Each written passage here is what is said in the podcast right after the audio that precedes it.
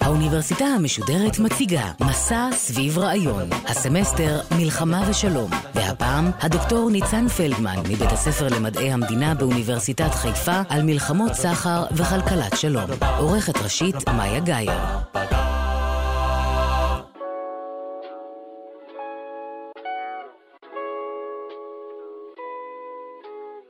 שלום לכם, שמי ניצן פלדמן ואני חוקר ומרצה במחלקה ליחסים בינלאומיים בבית ספר למדע המדינה באוניברסיטת חיפה.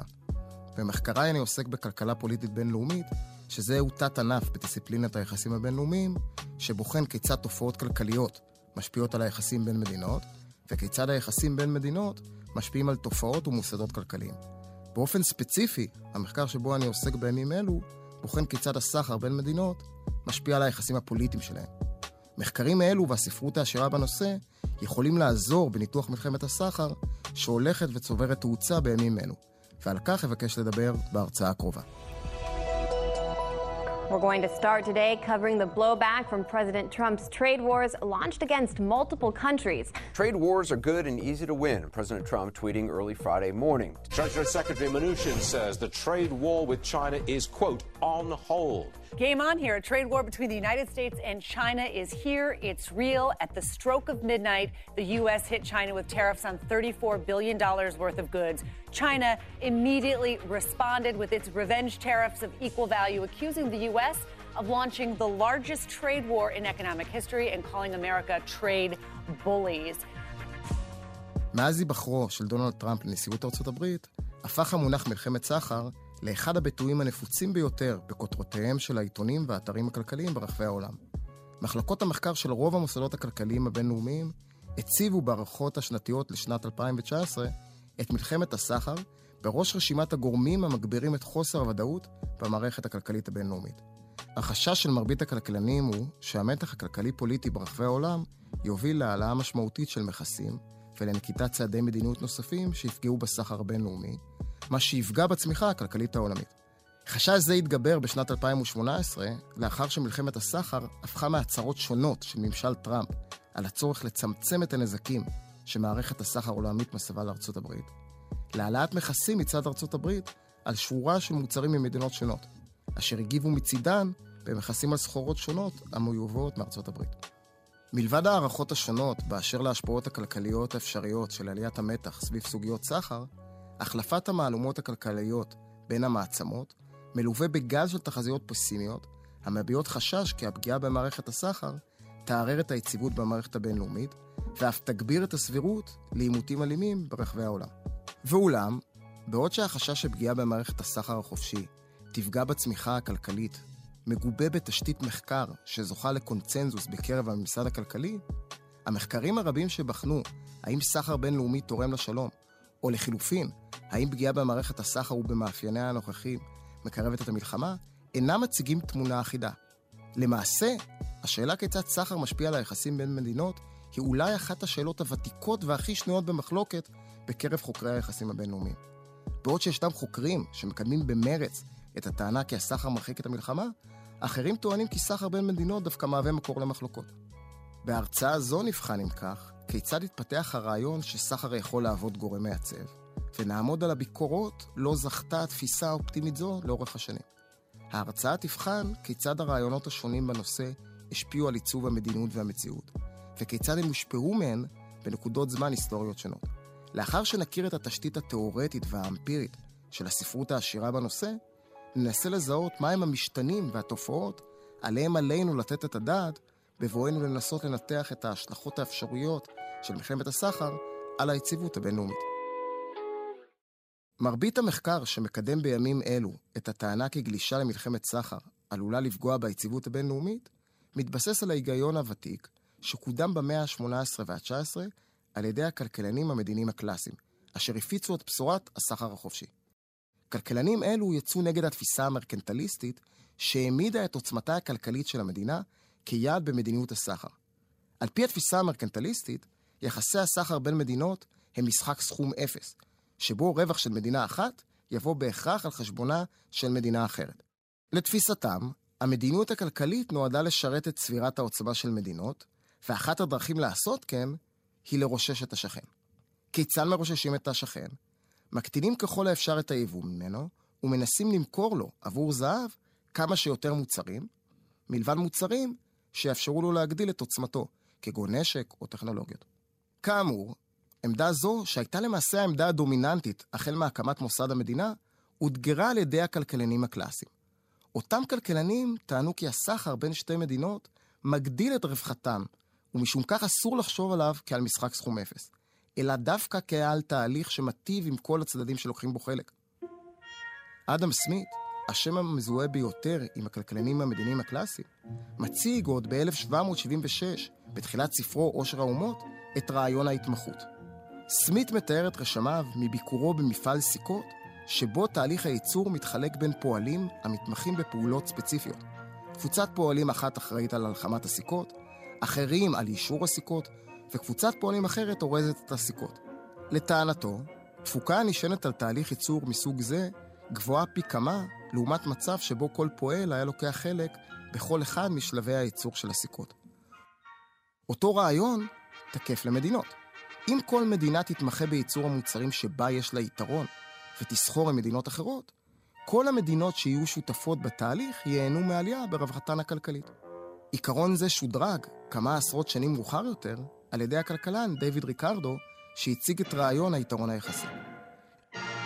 ריקרדו טען כי גם כאשר לפועלים במדינה מסוימת יש יתרון מוחלט בייצור שני מוצרים על פני מדינה אחרת, הסחר בין מדינות ישפר את רווחתן, במידה והמדינות יתמכו בייצור המוצרים שבהם יש להם יתרון יחסי.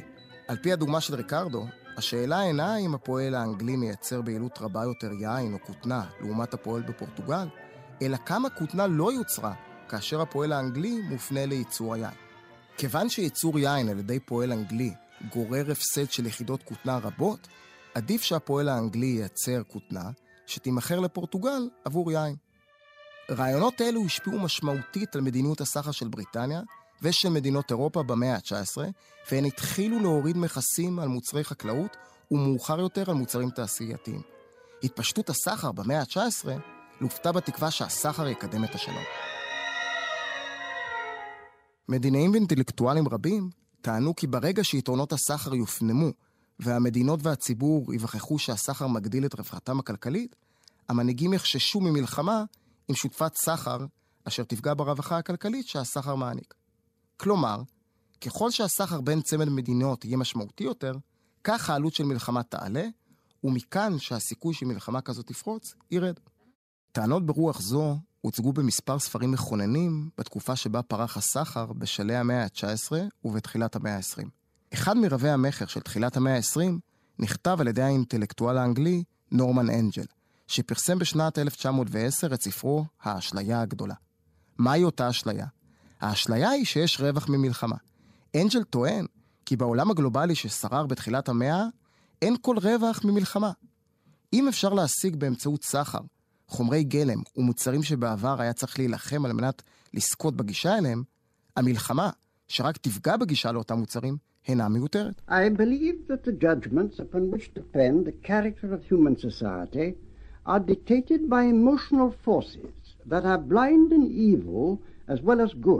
But we evade this responsibility to rise above emotion, instinct, passion, wherever collective conflicts like those of nationalism, race, war are involved. אלא שפריצתה של מלחמת העולם הראשונה, כארבע שנים בלבד לאחר פרסום הספר, לימדה רבים כי האשליה הגדולה היא דווקא האמונה האידילית, ששיקולי רווח כלכליים הם גורם מספיק בכדי לבטל את האפשרות למלחמה בין מדינות. ואולם, גם לאחר מלחמת העולם הראשונה, היו רבים שהתעקשו שהדרך למנוע את הישנותה של מלחמה נוספת היא שיקום מערכת הסחר בין מדינות. רבים טענו כי ציפייתן המעולה בחשש של המדינות מפני תרחיש של פגיעה עתידית במערכת הסחר, היא זו שגרמה לעליית המתח בין המעצמות לפני המלחמה. המדינות אומנם סחרו זו עם זו לפני המלחמה, אך הסחר עלה בזכות השיפור בטכנולוגיות של שינוע סחורות, ולא בזכות הפנמה אמיתית ביתרונות הטמונים בהפצת הסחר החופשי. המעצמות הגדולות זיהו שיריבותיהן נוקטות במדיניות פרוטקציוניסטית, העלאת מכסים והעדפת תוצרת מקומית והסכמים המטיבים עם הקולוניות שלהן. החשש כי מדיניות זו תתעצם בעתיד, וכי מערכת הסחר צפויה להיסגר, הוביל את המעצמות באירופה לפתח יכולות צבאיות שיאפשרו להן גישה לחומרי גלם ולמוצרים הכרחיים. לטענת רבים, תהליך זה תרם למשל לבניית הצי הגרמני ולמרוץ החימוש הימי מול בריטניה. הדמות הבולטת שקידמה את הצורך לשקם את מערכת הסחר לאחר מלחמת העולם הראשונה הייתה ג'ון מיינארד קיינס, מי שיהפוך כמה שנים מאוחר יותר לדמות הכלכלית המפורסמת בעולם. קיינס, שהיה חבר בצוות הכלכלי של בריטניה בוועידת השלום בוורסאי, חש מאוכזב מכך שהסכם השלום הטיל פיצויים משמעותיים על גרמניה, אשר מנעו ממנה למעשה לחזור ולהשתלב כלכלית באירופה. הוא הזהיר כי בידודה הכלכלי של גרמניה מקדם את המלחמה הבאה. רעיונות אלו באו לידי ביטוי ברב המכר שהוציא קיינס בשנת 1919, שנקרא ההשלכות הכלכליות של השלום, The Economic Consequences of the Peace, שבו הוא מפרט כיצד הסחר החופשי יכול לייצב את המערכת הבינלאומית. Businessmen and our manufacturers and our unemployed to taste hope again. But they must not allow anyone to put them back in the gold cage, where they have been pining their hearts out all these years. באמצע העשור השני של המאה ה-20, היה נראה לתקופה קצרה שהרעיונות של קיינס ואחרים מתחילים לחלחל להנהגות, כאשר מדינות אירופה אכן ניסו לשקם את מערכת הסחר העולמית, ואף החלו לשלב את גרמניה במוסדות הבינלאומיים. ואולם, הניסיונות השונים למסד את המערכת הכלכלית הבינלאומית לא תפסו תאוצה. אחת הסיבות המרכזיות לקושי לשקם את המערכת הכלכלית היה חוסר נכונותה של ארצות הברית לתמוך בהסדרים מוסדיים בהובלת בריטניה. ארצות הברית התנגדה להובלה הבריטית כאשר כל הנתונים העידו כי עוצמתה של בריטניה הייתה בירידה, בשעה שארצות הברית עצמה חוותה צמיחה כלכלית מרשימה, והפכה לכוח הכלכלי העולמי העולה. בכל אופן, כל התקוות לשקם את מערכת הסחר נמוגו עם פרוץ השפל הגדול ב-1929. ניסיונותיהם של פוליטיקאים שונים בארצות הברית להגן על תעשיות שונות מפני יבוא מתחרה בזמן המשבר, הובילה בשנת 1931 תהליכי חקיקה שגררו העלאת מכסים על עשרות אלפי מוצרים. מרבית המדינות לא נשארו חייבות והגיבו בהעלאת מכסים אף הן. כך נוצר מצב שבו הניסיונות להגן על תעשיות בזמן השפל הגדול הוביל לירידה חדה בנפח הסחר הבינלאומי, מה שפגע בסופו של דבר בתעשיות עליהן ניסו שלל הממשלות להגן. מחקרים רבים הראו שהפגיעה בסחר, לצד חוסר היכולת של המעצמות לתאם צעדי מדיניות כלכלית, היוו גורמים משמעותיים בהעמקת השפל הגדול ובמניעת יכולתה של כלכלת העולם להשתקם. אבל מעבר ללקח כלכלי-פוליטי חשוב זה, השפל הגדול מלמד עוד שני לקחים שצריך לשים אליהם לב. אחד, משברים כלכליים תורמים לעלייה בפופוליזם ומגבירים את הסיכוי לעלייה של מפלגות קיצוניות. שתיים, הסתגרות כלכלית בזמן משברים מגבירה את המתח בין המדינות במערכת. עוד לפני שהסתיימה מלחמת העולם השנייה, היה נראה כי לקחים אלו הופנמו, כאשר כמה מהמנהיגים והפקידים שהתעלמו מאזהרותיו של קיינס בשנות ה-20, שתו לפתע בצמא את הטפותיו על הצורך בשיתוף פעולה בינלאומי. בשנת 1944 התכנסה בברטון וודס שבארצות הברית ועידה שנועדה לשרטט את קווי המתאר של המערכת הכלכלית הבינלאומית לאחר המלחמה. אותו קיינס, שכבר נהנה ממעמד הכלכלן המשפיע ביותר בעולם, הדגיש בעת ניסוח ההסכמים כי שלום העולם תלוי בבניית מוסדות שיאפשרו מצד אחד לשקם את הסחר הבינלאומי, ומצד שני יאפשר לממשלות לשקם את כלכלתן באמצעות הגדלת ההוצאות הממשלתיות והפנייתן להשקעות. למרות שקיינס ייצג את בריטניה, שהייתה במעמד כלכלי נחות, הוא הצליח להשפיע על העמדה האמריקאית, וההסכמים שהתווה הניחו את התשתית לשיקום הסחר העולמי. אחת ההסכמות המשמעותיות אליה הגיעו בוועידה היא ההחלטה להצמיד את הדולר האמריקאי לזהב, בשער של 35 דולר לנקיית זהב, ולהצמיד את יתר המטבעות לדולר. הסכמה זו נועדה לאפשר ליצור תקן מוניטרי מוסכם שייצב את שערי המרת המטבעות במסחר הבינלאומי. על מנת לאפשר עמידה במנגנון זה, הוחלט על הקמתה של קרן המטבע הבינלאומית, שתעניק הלוואות למדינות שנקלעות למצוקת מטבע חוץ, ועל הקמת הבנק העולמי, שתפקידו יהיה להעניק הלוואות לשיקום כלכלות העולם. ואולם, לאחר סיום מלחמת העולם השנייה, ועל רקע התעצמותה של המלחמה הקרה, התברר מהר מאוד כי התקווה שהמדינות יצליחו לסחור זו עם זו באופן חופשי הייתה מוגזמת, וכי השיקום הכלכלי של העולם המערבי תלוי בהתערבות אמריקאית משמעותית. הצורך האסטרטגי של ארצות הברית לשקם את אירופה ואת יפן על מנת לבלום את עליית הקומוניזם, הוביל להפניית תקציבים אמריקאים לשיקום בנות בריתה. באותן השנים היה ברור כי ההגמוניה הכלכלית והצבאית האמריקאית, ולא הסחר בין המדינות, היא הגורם המרכזי בהשגת יציבות. לקראת שלהי שנות ה-50 מצליחות מדינות אירופה להתבסס כלכלית ולהניח את התשתית לצמיחה מהירה. הן אף מצליחות לצבור מספיק מטבע חוץ בכדי להשתלב בסחר העולמי על פי אותם העקרונות שנקבעו בברטון וודס. התגברות הסחר בין מדינות אירופה ועיצוב כללי המשחק הכלכליים ביניהם במוסדות שלימים יהוו את מה שאנחנו מכירים כאיחוד האירופי, העלו מחדש את הרעיון שהסחר הוא כלי אפקטיבי בהשגת שלום. שיתוף הפעולה הכלכלי בין שתי האויבות הגדולות לשעבר, צרפת וגרמניה, שגלש למיסוד שיתוף פעולה בתחומים שונים באירופה, סיפק כביכול תמיכה ניצחת לטענה כי הסחר הוא המפתח להתנעה ולמיסוד שיתוף פעולה. ואולם, מול הקולות האופטימיים הרבים שקידמו טענה זו בשנות ה-60 וה-70, ניצבה העמדה הפסימית ששלטה ללא עוררין בתחום היחסים הבינלאומיים משנות ה-50 עד שנות ה-90. אותם חוקרים פסימיים, המכונים בשפה המקצועית של דיסציפלינת היחסים הבינלאומיים ריאליסטים, טענו כי אי אפשר לנתק את שיתוף הפעולה באירופה מהקונטקסט של המלחמה הקרה. כלומר, כיוון שמדינות מערב אירופה נמצאות תחת איום סובייטי משותף, וכיוון שכולן חוסות תחת מטריית ההגנה האמריקאית, הן יכולות להרשות לעצמן לשתף פעולה. אבל שיתוף פעולה זה יהיה לא כל כך הרמוני ברגע שהאיום הסובייטי יוסר, או כאשר ארצות הברית תצא מהאזור. ואכן, בתחילת שנות ה-70 החלו מתגלות מחלוקות רבות בין ארצות הברית לבין מדינות אירופה ומדינות אחרות באשר למבנה מערכת הסחר וכללי המשחק שנקבעו בברטון וודס. במובנים רבים אפשר לטעון כי דווקא הצלחתה של המערכת בשיקום הסחר וביצירת צמיחה מהירה באירופה וביפן, היא שהובילה לסיום תפקידה שלה עצמה. מדינות אירופה טענו כי המערכת משקפת עוצמה אמריקאית ששררה לאחר מלחמת העולם, ומשום כך היא אינה רלוונטית ליחסי העוצמה הכלכלית שנוצרו לאחר הנס הכלכלי שחוו אירופה ויפן. החל משלהי שנות ה-60, מדינות רבות איימו להמיר את הדולרים שהן צברו בזהב שנמצא במחסני הבנק המרכזי בארצות הברית. עד שבשנת 1971 הודיע הנשיא ניקסון על הפסקת המחויבות האמריקאית לכללי ברטון וודס. And the American economy is by far the strongest in the world. Accordingly, I have directed the Secretary of the Treasury to take the action necessary to defend the dollar against the speculators. באופן סימבולי ולא מקרי, קריסת מערכת הסחר התרחשה במקביל לירידה בדומיננטיות של התיאוריות של קיינס, אחד הארכיטקטים של מערכת ברטון וודס.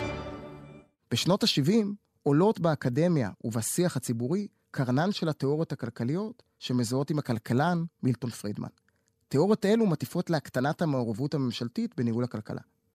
בדומה לקיינס, גם פרידמן הוא חסיד של הסחר החופשי. אך בניגוד לקיינס, שדאג לכך שכללי המשחק הבינלאומיים יאפשרו למדינות להגדיל את תקציבן בזמן משבר כלכלי, פרידמן חשב כי מערכת הסחר צריכה להיות נטולת כבלים כלשהם. מעבר להורדת המכסים, מדינות צריכות לאפשר גם להון הפיזי והפיננסי להיות נייד. The world runs on individuals pursuing their separate interests. The great achievements of civilization have not come from government bureaus. Einstein didn't construct his theory under order from a bureaucrat.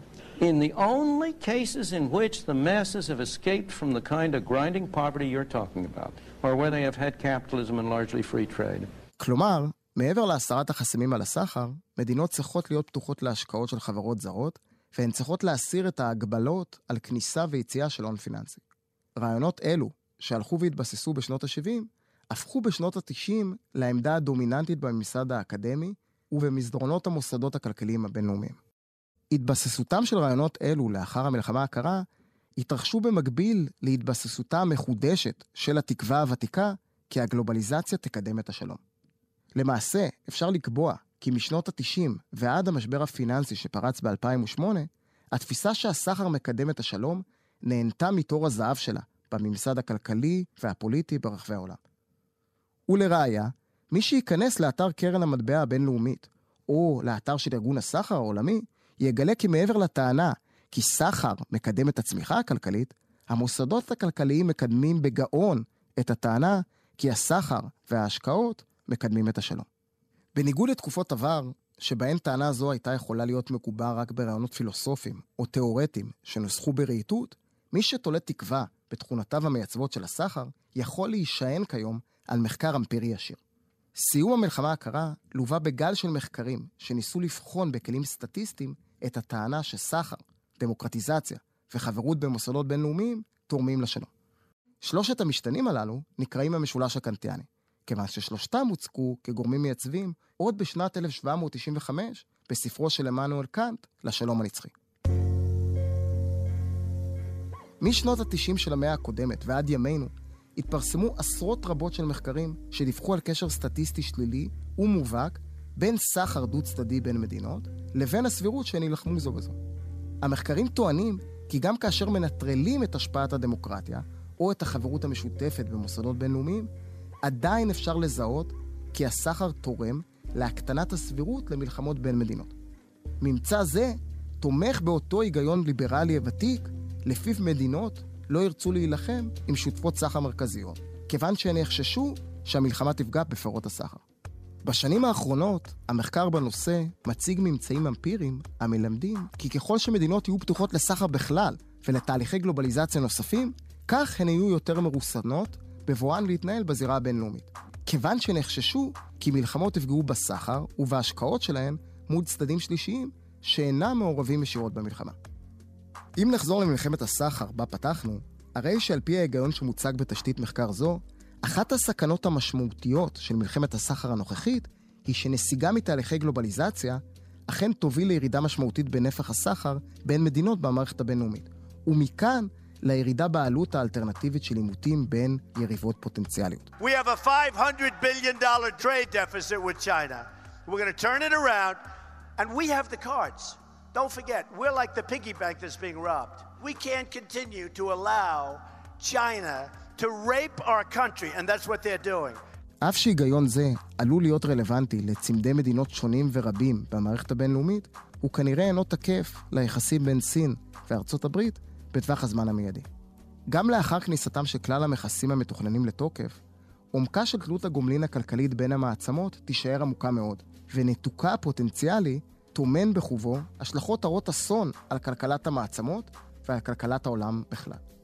במילים אחרות, במידה והחשש מפני פגיעה כלכלית אכן מהווה גורם שיש ביכולתו למנוע קונפליקטים, הרי שמלחמת הסחר ברמתה הנוכחית אינה יכולה לצמצם את חששן של המעצמות מההשלכות הכלכליות של קונפליקט אלים ביניהן. המחקר שמקדם את הטענה כי סחר תורם לשלום, יטען שלמרות המתחים הצפים לאחרונה על פני השטח, הצטרפותה של סין לארגון הסחר העולמי ב-2001 ופתיחותה לתהליכי גלובליזציה נוספים תרמו ליציבות הבינלאומית. הואיל ואלו יצרו מנגנון של הרס כלכלי הדדי מוחלט בין סין לארצות הברית, אשר מקטין את הסבירות לעימות אלים ביניהן בזמן הקרוב. למרות התלונות של ארצות הברית כלפי מדיניות סינית לא הוגנת, ועל אף הנחישות לשנות את מדיניותה של סין, לא נראה שהצדדים יכולים להרשות לעצמם ליזום מהלכים שהובילו לניתוק מהיר של האינטראקציות הכלכליות ביניהם. החשש שעולה מהמחקרים המוצגים נוגע לאפשרות שמלחמת הסחר תערער בהדרגה את כלל המנגנונים המעצבים שיצרה הגלובליזציה בכל הכלכלה העולמית. כפי שהוזכר בהקשר של מלחמת העולם הראשונה, הצפי לפגיעה עתידית בסחר החופשי אף עלול לגרום למדינות להאיץ את רכישתם ופיתוחם של אמצעים צבאיים שיבטיחו את גישתן לסחר עתידי. זוהי הסכנה המשמעותית שטמונה במלחמת הסחר. בדומה לתחילת המאה ה-20, הסחר בין מדינות העולם פורח, אך החשש מפני הסתגרות עתידית עלול להגביר את רצונן של מדינות לפתח יכולות צבאיות שיבטיחו כי גישתן לסחורות ולחומרי גלם לא תיפגע כאשר מערכת הסחר תיסגר. תהליך זה עשוי לגרום להתגברות של מרוצי חימוש ברחבי העולם שעלולים לצאת מכלל שליטה. כאמור, לצד המחקרים הללו, קיימים מחקרים רבים המאתגרים את הטענה שסחר מקדם שלום. יש הטוענים כי המחקר האמפירי, המלמד כביכול שסחר מקדם את השלום, אינו נותן את הדעת לעובדה שמדינות ידידותיות סוחרות מלכתחילה בהיקפים משמעותיים זו עם זו, כך שמדובר על ממצא שמקורו בבעיה מתודולוגית משמעותית. חוקרים אחרים טענו לאורך השנים כי החשש שמלחמה תפגע בסחר אינו יכול להיות באמת גורם מרסן כשמדובר במחלוקות הנוגעות לסוגיות שעומדות בליבת האינטרס הלאומי של מדינות. אחרים טענו כי פתיחותה של מערכת הסחר דווקא תגביר את המתחים בין מדינות, מכיוון שהן יתקשו ליישב בדרכי שלום את המחלוקות המסחריות שיעלו על פני השטח כאשר הסחר יהפוך להיות משמעותי. מספר מחקרים הראו כי השתלבותן של מדינות בתהליכי גלובליזציה דווקא מגבירה את הסבירות שהן יותקפו על ידי יריבות אסטרטגיות. על פי היגיון זה, מלחמת הסחר הנוכחית היא למעשה ניסיון אמריקאי למנוע את תהליך ההתעצמות של סין. וארצות הברית תהיה מוכנה להסתכן בפגיעה כלכלית, ובלבד שצעדיה יגרמו נזקים משמעותיים יותר לסין, וימנעו ממנה להשיג יתרונות אסטרטגיים. כלומר, ארצות הברית מוכנה לספוג עליית מחירים ולהסתכן בירידה מסוימת בייצוא, בכדי לפגוע במנהיגות הכלכלית והפוליטית שסין מנסה לקדם באמצעות יוזמות כגון חגורה אחת דרך אחת, יוזמה שמוכרת גם כחגורת דרך המשי הכלכלית של המאה ה-21. בנוסף, ארצות הברית מנסה למנוע את ההתעצמות הסינית הפוטנציאלית בעקבות שאיפותיה להזניק את הטכנולוגיה של התעשייה הסינית. כלומר, זהו למעשה חלק מן המאבק הרחב על ההגמוניה העולמית בין המעצמות. כפי שאפשר להבחין, למרות המחקר הרב בנושא, קשה להצביע בביטחון על ממצאים חד משמעיים המלמדים כי ירידה אפשרית בנפח הסחר הבינלאומי אכן מקרבת את העולם לעימות צבאי. יהיה זה נימר אפוא לטעון כי מלחמת הסחר מבשרת על פגיעה בשלום העולמי. ואולם, המחקרים הרבים בנושא והניסיון ההיסטורי מלמדים כי עליית הציפיות והחששות מפני התגברות מלחמת הסחר עלולות בהחלט להיות נבואה מגשימה את עצמה, ולהוביל לפירוק הדרגתי של מערכת הסחר העולמית, שארצות הברית בנתה בתקופה שהיא עצמה הייתה מחויבת לסחר החופשי. כמעט כל החוקרים שהוצגו לאורך הרצאה זו היו מסכימים כי לתהליך זה השלכות רחבות בהרבה מסוגיות כלכליות, ושפירוקה של מערכת הסחר מבשרת על שינוי הסדר הגלובלי כפי שהתרגלנו להכיר אותו. על השאלה האם מדובר בהכרח בתופעה שתפגע בשלום העולמי, קשה יותר להשיב.